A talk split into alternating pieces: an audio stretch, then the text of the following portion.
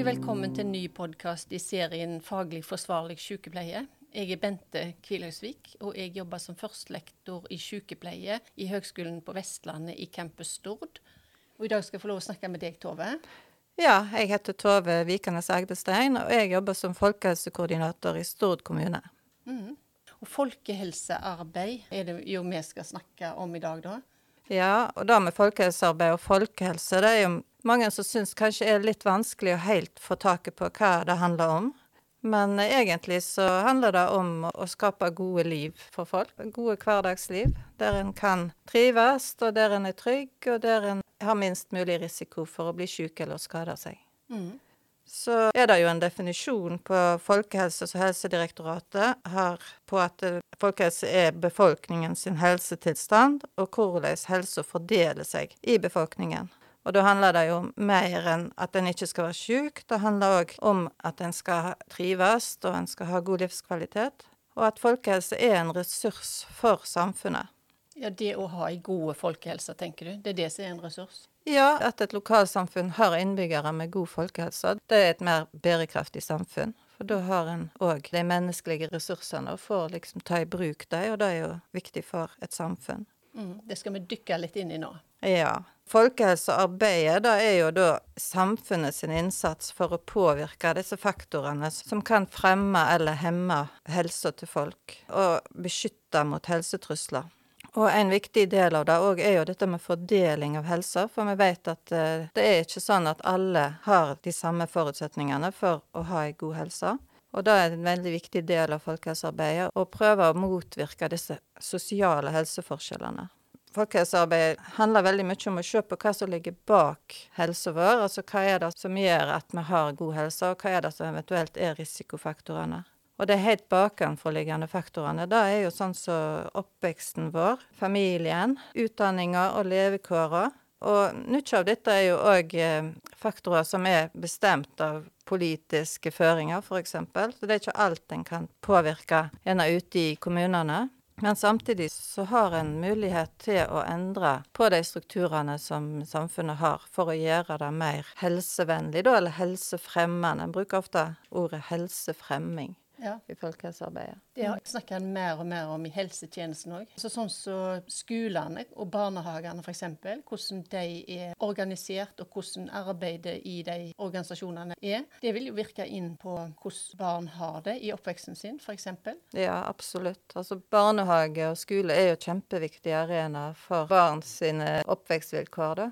Det er jo der de er veldig mye av tida si. Og da er det klart at det, hvordan disse arenaene møter barn og gir barn mulighet til å utvikle seg på sine premisser, og trives, ikke minst, det er jo en kjempeviktig del av det å skape god folkehelse. Mm. Så barnehage og skole er en, et viktig innsatsområde da, for folkehelsearbeidet. Ja. Vi har hatt et folkehelseemne en stund nå i sykepleierutdanningen. Og der eh, er det noen som har hatt praksis f.eks. i barnehage, noen av sykepleierstudentene våre. Og der er det f.eks. noen som har hatt mobbing som tema. Og der òg kan gjerne du si noe, altså, som et eksempel, da. Mm. Mobbing er jo en av utfordringene i forhold til helse til barn. Og når en skal da forebygge mobbing, så tenker en jo kanskje mer på hva er det som gjør at en ikke trenger begynne med mobbing. sant? Hva er det som skaper de gode relasjonene? Hva er det som skaper det gode fellesskapet? Så det er veldig sånn ressursorientert, folkehelsearbeidet. Se på hva som fremmer det som er bra, mer enn på selve problemet, da. Mm. Det er vel noe som kjennetegner folkehelsearbeidet generelt, at det er veldig ressursfokusert. Og ser på hva er de gode faktorene, hva er de beskyttende faktorene? Jeg bruker ofte òg det ordet. Sant? Beskyttende faktorer i forhold til å unngå at det skal oppstå mobbing, f.eks. Ja, Sånn at en trenger ikke snakke om det, kanskje? En må òg snakke om det, for det er jo virkeligheten til en del barn. Mm. Og en veldig inngripende del i de barna sine liv. Både de som blir mobba, og de som mobber. Så en må jo selvfølgelig òg adressere det. Men det blir kanskje ikke så stor grad folkehelsearbeid. Det blir kanskje mer eh, arbeid i den barnehagen eller skolen sant, i forhold til miljøet der. Folkehelsearbeid dreier seg mer om de bakenforliggende. Sant? Hvordan kan vi skape de rammene som gjør at disse fenomenene ikke oppstår? da. Ja. Mm.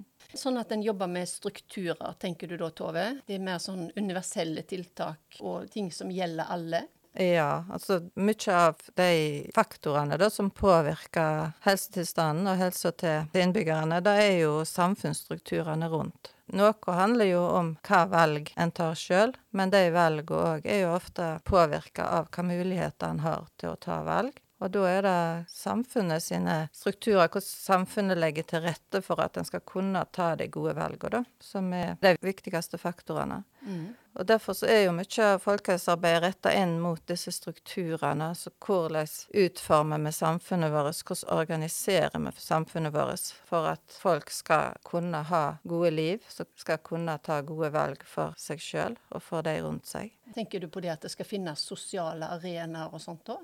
Ja, det handler både om den fysiske utformingen, og at en har tilgang til positive opplevelser, f.eks. Sånn som så tilgang til natur har vi, vet vi jo mye om, betyr mye for helsa og trivselen. Tilgang til å delta på positive aktiviteter.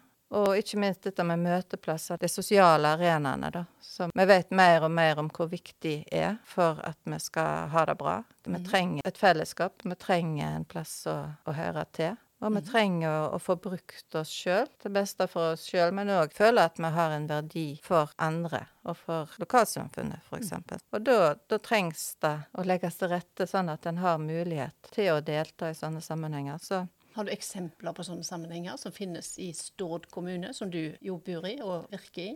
En arena som er veldig viktig for mange, og det er jo den frivillige sektoren. Altså de frivillige organisasjonene. Sant? Å kunne være med i frivillig arbeid eller være deltaker i en frivillig aktivitet er jo helsefremmende. Enten det er en kulturell aktivitet, eller det er en idrettsklubb, eller Det kan være åpne møteplasser òg, der en bare treffes sånn helt uformelt. -hmm. Og der er vi jo ulike. Vi har ulike interesser og ulike behov òg for hvor mye sosial kontakt en trenger. og sånn. Så, så, det må være tilrettelagt for de ulike persontypene og for eh, de ulike aldersgruppene og ulike kulturer. Mm. Og da er jo dette med å sørge for at det finnes arenaer, og, og, at de arenaene ikke har barrierer eller stengsler som stenger noen ute, som er en veldig viktig del av det folkehelsearbeidet i kommunen. Mm. Og det kan jo være mange ulike former for barrierer. Det kan være økonomi, f.eks., som gjør at en ikke kan delta. Det kan være at en har en form for funksjonshemming som gjør det vanskelig å delta. Eller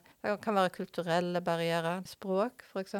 Mm. Så det handler om å bygge ned de barrierene? Det handler veldig mye om det. Å bygge ned barrierer og legge til rette at ting blir mer og mer universelt. Og da er det ikke bare fysisk universelt at det er terskelfritt og med gode ledelinjer for synshemmede, men det handler òg om universelt i forhold til økonomi og språk. Ja, Universelt, sier du. Kan jeg spørre, når vi snakker om universelt utforma tiltak her, hvordan skal vi forklare universell i den sammenhengen der? Det er at det er åpent og tilgjengelig for alle, uavhengig av bakgrunn og uavhengig av funksjon. Egentlig så enkelt som det. Og hvis en tenker sånn, det her med utstyr f.eks. Hvis en skal være med på en idrett eller skal være med på en aktivitet, og så trenger en jo ofte en del utstyr. Og da vet jeg at det er noe som heter BUA i Stord. Ja, det er jo et eksempel på et sånt tiltak for å bygge ned barrierer, da. At en har BUA, som er en utlånssentral for utstyr til aktivitet, friluftsliv, som er gratis, og som eh, alle kan bruke. Det er ingen krav til verken økonomi eller problem eller noe for å bruke det tilbudet, og det blir brukt av alle, og er veldig populært. Mm. Det er et folkehelsetiltak. Det er et universelt tiltak, for det gjelder for alle innbyggerne. Men det er spesielt retta mot de som har økonomiske utfordringer da, med mm. å skaffe seg den type utstyr. Men så kan en òg si at det er et uh, miljø- og klimatiltak. sant? Det bidrar til gjenbruk og mindre kjøp av utstyr som en kanskje bare bruker noen få dager i året. Så veldig mange folkehelsetiltak er jo òg miljø- og klimatiltak. Og folkehelsearbeid og arbeid for bærekraft går veldig tett i sammen. Det er veldig mange av bærekraftsmålene som òg er folkehelsemål.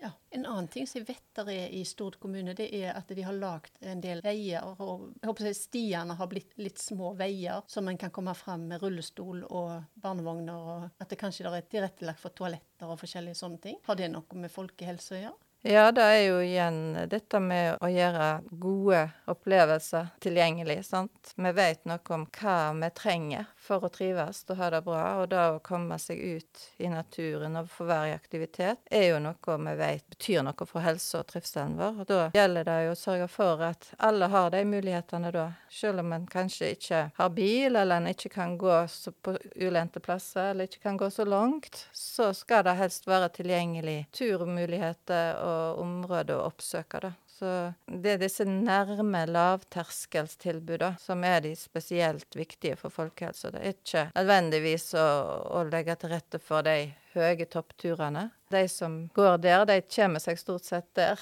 Mm. Uten at vi gjør så mye for det.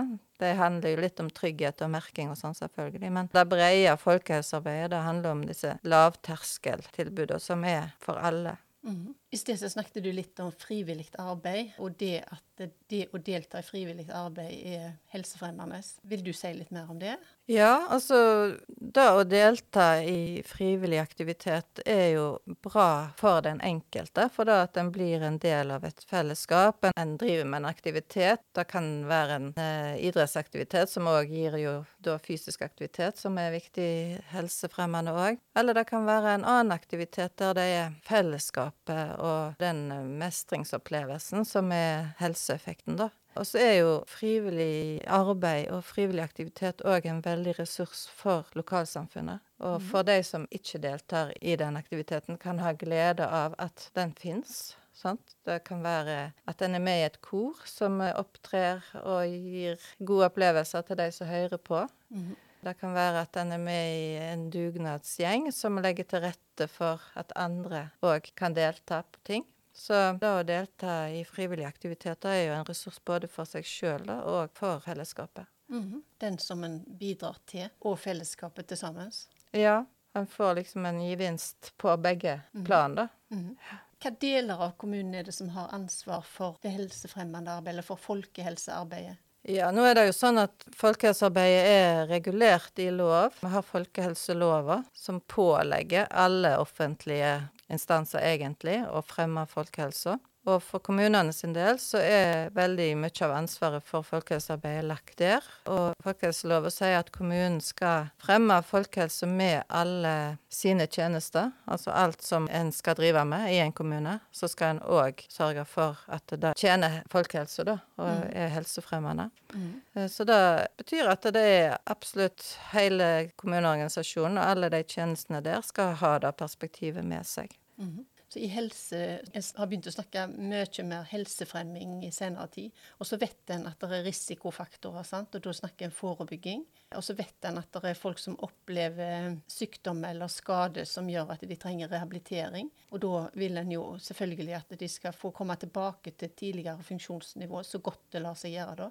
Eller habilitering. Mm. Så vil en òg ha fokuset på folkehelse og det å ha mest mulig helseressurser i helsetjenesten. Ja, og helsetjenesten er en veldig viktig del av folkehelsearbeidet. For da der kom en veldig tett på de som har fått en utfordring i forhold til helsa. Og da har en jo òg mulighet til å finne ut mer om hva er det som ligger bak. Sant? Hva er det som fører til? Er det noen faktorer i samfunnet eller i miljøet til pasienten da, som har vært med på å gjøre at uh, en er blitt syk eller har fått en skade. Og da har en òg kan en identifisere disse årsaksfaktorene da, og ha mulighet til å gjøre noe med det. Enten en kan formidle kontakt til andre instanser som har noe med de faktorene å gjøre, sant? eller en kan informere om hva som finnes av muligheter da, for å få gjort noe med det. Det kan være at en, eh, en grunn til at en har skada seg, er at en har en bolig som ikke er tilrettelagt, f.eks. For, eksempel, for den uh, funksjonen eller den uh, alderen en er i. Sånn at en trenger å, å, se på om en bør ha en mer tilrettelagt bolig. Så det er jo da noe helsetjenesten har mulighet til å informere om, at en kan få hjelp til det. Mm -hmm. Og kanskje en må få bygd noen sånne boliger som passer til befolkningen òg? Ja, det er jo et litt sånn større felt, og det er jo der eh, folkehelsearbeidet kommer inn i forhold til planverket til kommunen, da. Kommunen lager jo planer for virksomheten si, og hvordan en skal utvikle kommunen. Og annet hvordan en skal bygge boliger, hva type boliger og sånn. Og da er det viktig at en kan komme fram med den type problemstillinger. At her trenger vi flere boliger i forhold til f.eks. For eldre, da. For at de skal kunne ha god funksjon og kunne klare seg best mulig lengst mulig, og kunne delta i samfunnet, så det veldig mye handler om da, i forhold til å holde seg frisk. Mm. I forhold til det som helsepersonell kan bidra med i folkehelsearbeidet, så tenker jeg dette med sosiale helseforskjeller at det er en viktig og stor utfordring for folkehelsa. Og vi vet jo at det òg er forskjeller i bruk av helsetjenestene som er med på å forsterke disse forskjellene. Så det å jobbe for enda mer likeverdige tjenester, altså de som trenger det mest, og vi vet noe om hvem som har størst risiko for å få sykdom og for tidlig død. Det er ganske stor forskjell i forhold til personer med lav utdanning og personer med høy utdanning når det gjelder forventa levealder, f.eks og sykdomsbyrde. Og det er jo òg noe som bør gjenspeiles, tenker jeg, i det tilbudet vi gjør. For det har jo òg vist seg at det òg er en forskjell i forhold til hvem som får mest og best helsetjenester. Og at det kanskje òg er de som har høyest utdanning og høyest inntekt. Kanskje fordi de kan orientere seg lettere i helsetjenesten og hva type tilbud det finnes? Det er nok helt sikkert rett. Å finne informasjon og det handler òg om å ha nettverk og kjenne noen som veit noe, og ha noen å spørre. Har du lite nettverk, er du ny i landet f.eks., eller ikke så god i språket, og samtidig kanskje står utenfor arbeidslivet, så har du ikke så mye å spille på når det gjelder å finne frem til hva tilbud og tjenester som finnes. Og du er kanskje heller ikke så flink til å legge frem problemene dine mm. i møte med helsetjenesten. Så hvis en da er klar over at dette er personer som har en økt risiko, og at en dermed prioriterer å bruke tid og gi de gode tjenester, så tror jeg det òg er en viktig del av folkehelsearbeidet. Mm. Og én ting er jo å gi gode helsetjenester til dem, helse- eller, og eller sosiale tjenester. sant? Men så er det vel gjerne òg det å legge til rette for at de får delta i samfunnet på gode måter. Det er vel gjerne der det der lavterskel, universelle tilbudene kommer inn? Det er det. Og det som vi snakket om litt tidligere, sant? det handler jo om å, å bygge ned disse barrierene eh, for å kunne delta. Og de barrierene, det er jo en del er fysiske barrierer, noe er organisatoriske barrierer, men det kan jo òg være holdninger hos folk. Absolutt. En del av folkehelsearbeidet handler jo òg om holdninger og mhm. holdningsarbeid. Det ser en jo litt i forhold til dette med pride. Ja. Det er jo en del av det. Mm. Og det er jo òg ei gruppe som uh, trenger spesielt oppmerksomhet i forhold til at en har økt risiko for dårlig helse, da. Ja. Mm. Jeg syns nesten at matvarebutikkene òg har blitt flinkere til å ta vare på folkehelsa ja. Så du ser hva som ligger i disken der du skal betale, f.eks. Ja, det, det, handler jo igjen om dette å legge til rette for gode valg. Sant? At en innretter samfunnet sånn at det er lettere å velge det som er bra for helsa si. Og det kan være sånn som du sier i butikken, at det er enklere å ta de sunne matvarene, for de ligger veldig tilgjengelig. Det handler jo veldig mye om prispolitikk òg, så det er jo noe som stadig blir diskutert politisk. Men det handler jo òg om dette med hverdagsaktiviteten. Vi snakker jo om det med fysisk aktivitet. Vi vet at det betyr mye for helsa vår. Og så er det kanskje den hverdagsaktiviteten, altså det å være litt aktiv hver dag, som er det aller viktigste. Og da å legge til rette for at det er enkelt og trygt å gå eller sykle, er jo òg en, en, sånn viktig del å gjøre det lettere å ta de sunne valgene for seg sjøl. Og så er det jo igjen at det òg er bra for miljø og klima. Så det er liksom flere gevinster av det. Men det må jobbes med for å, å få det til. For det er jo sånn at uh, veldig mange krefter ønsker jo å legge til rette for det enkleste, som er å kjøre bil fra dør til dør. Og da trenger vi òg å legge litt trykk på hvorfor skal vi fremdeles legge til rette for å kunne gå og sykle. For vi mhm. trenger samfunn som har uh, friske folk. Det er det som er den viktige delen av bærekraften vår. Absolutt. Ja, og Du er jo folkehelsekoordinator i Stord kommune. Så hva er de hovedsakelige oppgavene og rolla di da? Ja, å være folkehelsekoordinator det er ikke en lovpålagt oppgave som kommunene må ha. Men kommunene må følge opp kravene i folkehelseloven. Og da har de fleste kommunene valgt å ha enten en folkehelsekoordinator eller en folkehelserådgiver, en kaller det litt forskjellig, for å, å følge opp disse kravene. Det er noen helt sånn spesifikke krav som handler om å ha oversikt over hva utfordringer, folkehelseutfordringer som er i kommunen. Følge med på hvordan disse utfordringene utvikler seg, og fastsette mål og tiltak for folkehelsearbeidet ut ifra det. Og så er jo folkehelsearbeid et veldig tverrsektorielt arbeid. Det er noe som eh, må skje på tvers av sektorene. Og da å prøve å få til den samhandlinga og den tverrfagligheten inn i arbeidet, er jo òg noe som er i min rolle, da. Mm -hmm. Og vi har f.eks. et folkehelseråd, som er en administrativ gruppe med ledere fra de ulike sektorene, der vi tar opp hva er utfordringene i vår kommune, og hvordan skal vi løse de i lag. Og vi lager disse målene som da skal gjenspeiles i de enkelte sektorene sine planer og handlingsplaner, som en da definerer egne tiltak ut ifra hva den sektoren har som område. Mm -hmm. Ja. Og så er jo kommunen òg pålagt å gi informasjon og rettledning til andre aktører. Altså f.eks.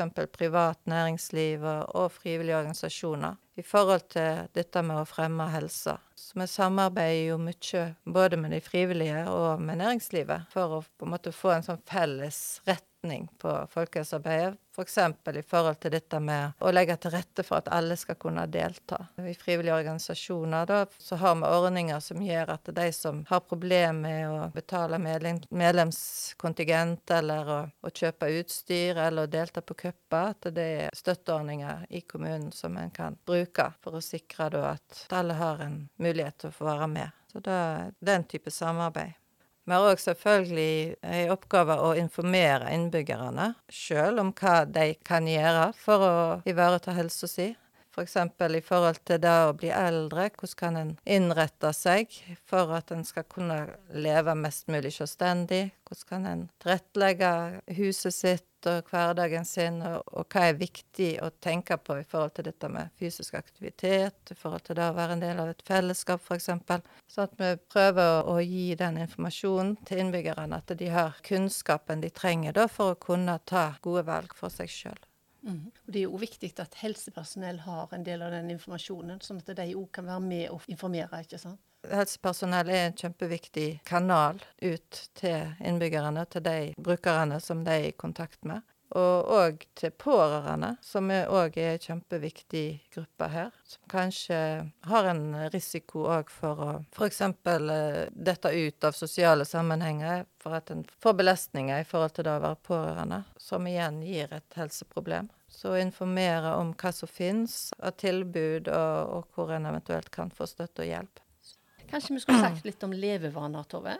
Mm. Vi vet jo det med fysisk aktivitet, at det er bra for kroppen. At vi holder oss i fysisk aktivitet. Eh, vi vet litt om kosthold, og der er jo statlige retningslinjer i forhold til kosthold. Skjermbruk, er det bra? Bruker mye skjerm. Vi sitter jo på PC mye om dagene.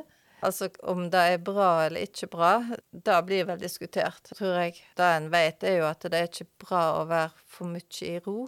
Eh, for mye stillesitting, og da skjermbruk er jo ofte noe som en gjør i, i, ro, så da blir en mindre i aktivitet. Og så er det jo òg en fare for at en i mindre grad deltar i sosiale fellesskap, med at en bruker mer tid framfor en skjerm, kanskje alene på rommet sitt. Men kanskje de sitter og chatter med noen venner? Ja. Da er det jo sosialt. Ja, da kan være et helsefremmende arena å være på, og så kan det òg være en risikoarena å være på i forhold til den kommunikasjonen som skjer på nett, som kan være både bra og ikke så bra. Men det er mange eksempler på at uh, bruk av digitale tjenester og være på sosiale plattformer er helsefremmende for de som er der. Men en er litt bekymra for at en ser at tid, og spesielt barn og unge, da tida en bruker framfor skjerm, har økt veldig veldig stor del av fritida blir brukt framfor en skjerm, og at mm. en da ikke blir så god på å takle det å være sosial i møte med andre direkte mm. fysisk, sant. Mm. At en mister litt den evnen, og at det da blir hemmende for livet, rett og slett. Så det er litt bekymringer rundt det, da. Og at en tenker at en bør ha alternative arenaer der en òg treffes fysisk. At vi trenger det som mennesker, å treffes, ikke bare på en skjerm. Absolutt. Er det ungdomsklubber f.eks. i Stord der kan treffe jevnaldrende? Ja, ungdomsklubbene Vi har kommunale ungdomsklubber. Ja. Og det er jo et, et eksempel på en sånn åpen møteplass, der en kan treffes og være uten at en uh, trenger å være medlem eller forholde seg til sånn krav om oppmøte og sånn, som ikke alle er så glad i. Så det kan være bare kjekt? Det kan være bedre kjekt. Ja. Det kan det. Og den eh, aktivitetsparken, Gropo, som er åpna i sentrum ved siden av Kulturhuset, er jo en sånn åpen møteplass som en bare kan komme og treffe venner og egentlig være aktiv, eller en kan bare være tilskuer og være sosial på Ja. den måten. Eller skate? eller Det er sånn skatebane? Ja, det er en skatepark, og Ja. det er en parkour og litt klatring, og det er òg mulighet til å Det er en scene som en kan bruke. Lage arrangement, f.eks. For, for Mm. ungdom der. Fint å kunne boltre seg litt. Det er fint å ha den type plasser som er åpne og tilgjengelige, og som ikke er voksenstyrte. Der mm. barn og unge kan eh, lage sine egne møteplasser og sine egne møter. Mhm. Så det er en strategisk satsing å lage den. Det er det. Det er en av de strategiene som eh, vi har i folkehelsearbeidet. Det er dette med møteplasser og ha lavterskeltilbud der folk i ulike aldre kan være en del av sosiale fellesskap. Mhm. Helt uavhengig av kompetanse eller bakgrunn, da. Mhm. Mm. I forhold til kveldsliv eller kveldsaktiviteter, på en måte, så er det vel òg sånn eh, natteravner, er det ikke det? På Stord? Jo, og da er du inne på noe som jeg kanskje ikke har snakket så mye om, dette med trygghet. Det å ha et trygt nærmiljø, et trygt lokalsamfunn, er jo òg en viktig del av det å, å ha god livskvalitet. Og det å ha mulighet til å delta og kjenne at en kan eh, bevege seg trygt i nærmiljøet, f.eks. Mhm. Og da er Natteravnene det er jo et sånt tiltak for å gjøre det tryggere å være i sentrum i helgene. Er det noe som du som folkehelsekoordinator er i kontakt med? Natteravnfunksjonene? Ja. Jeg har ikke noe direkte med Natteravnene å gjøre. Vi har en frivilligsentral som koordinerer en del av dette samarbeidet med frivillige. Så min jobb er i liten grad direkte tiltaksretta. Jeg jobber litt mer på strukturnivå, da, men med å sørge for at den type tiltak kommer med i planene til de ulike einingene. Så her er det jo kulturregninger da, som har Ja. et ansvar for Frivilligsentralen, og som dermed driver forebyggende arbeid på den måten. Mhm. Og i forhold til det med kultur, der var det jo en satsing i årene 1997 til 2000, det begynner å bli lenge siden nå, på Kultur gir helse. Så det som de sjekka litt ut, og det var i forhold til en del brukere som pasienter som brukte mye helsetjenester. Og så var det sånn at de så at de brukte lite lavterskel kulturtilbud. Og så snudde de på det, og så lagde de en liten sånn hypotese om at eh, hvis vi pøser på med kulturtilbud til de som bruker veldig masse helsetjenester, vil det da endre seg? Og det fant de ut at det gjorde. Det var litt spennende. Sånn at når de fikk mer kulturtilbud, så viste det seg at de brukte mindre helsetjenester. Hadde behov for mindre helsetjenester. Ja, men da følger jo teorien veldig godt. Det er jo veldig mye det det dreier seg om, sant? Å lage gode Inkluderende møteplasser Ja, gode og sånne fellesskap der en føler at en hører til. Ja. Det, denne med tilhørsle, og der en får gode opplevelser i lag med andre. Det er ikke verre enn at vi kan gå til oss sjøl og tenke hva er det vi trenger sjøl for å ha det bra i hverdagen. sant? Og det er nødt de samme tinga. Det handler om disse gode opplevelsene og, og fellesskapet, og det å føle at vi kan bidra mm. til fellesskapet. At vi har noe å komme med. Ja. Nei, men vi har jo snakket om masse ting her nå, så jeg tror jeg vil takke deg, Tove, for at du kom. Sjøl takk. Det er spennende og kjekt å få bidra. Helt super. Tusen takk skal du ha. Ha det. Ha det ja. Du har nå hørt en podkast fra Høgskolen på Vestlandet. Du kan høre flere podkaster fra oss ved å gå inn på nettsiden hvl.no. slash podkast.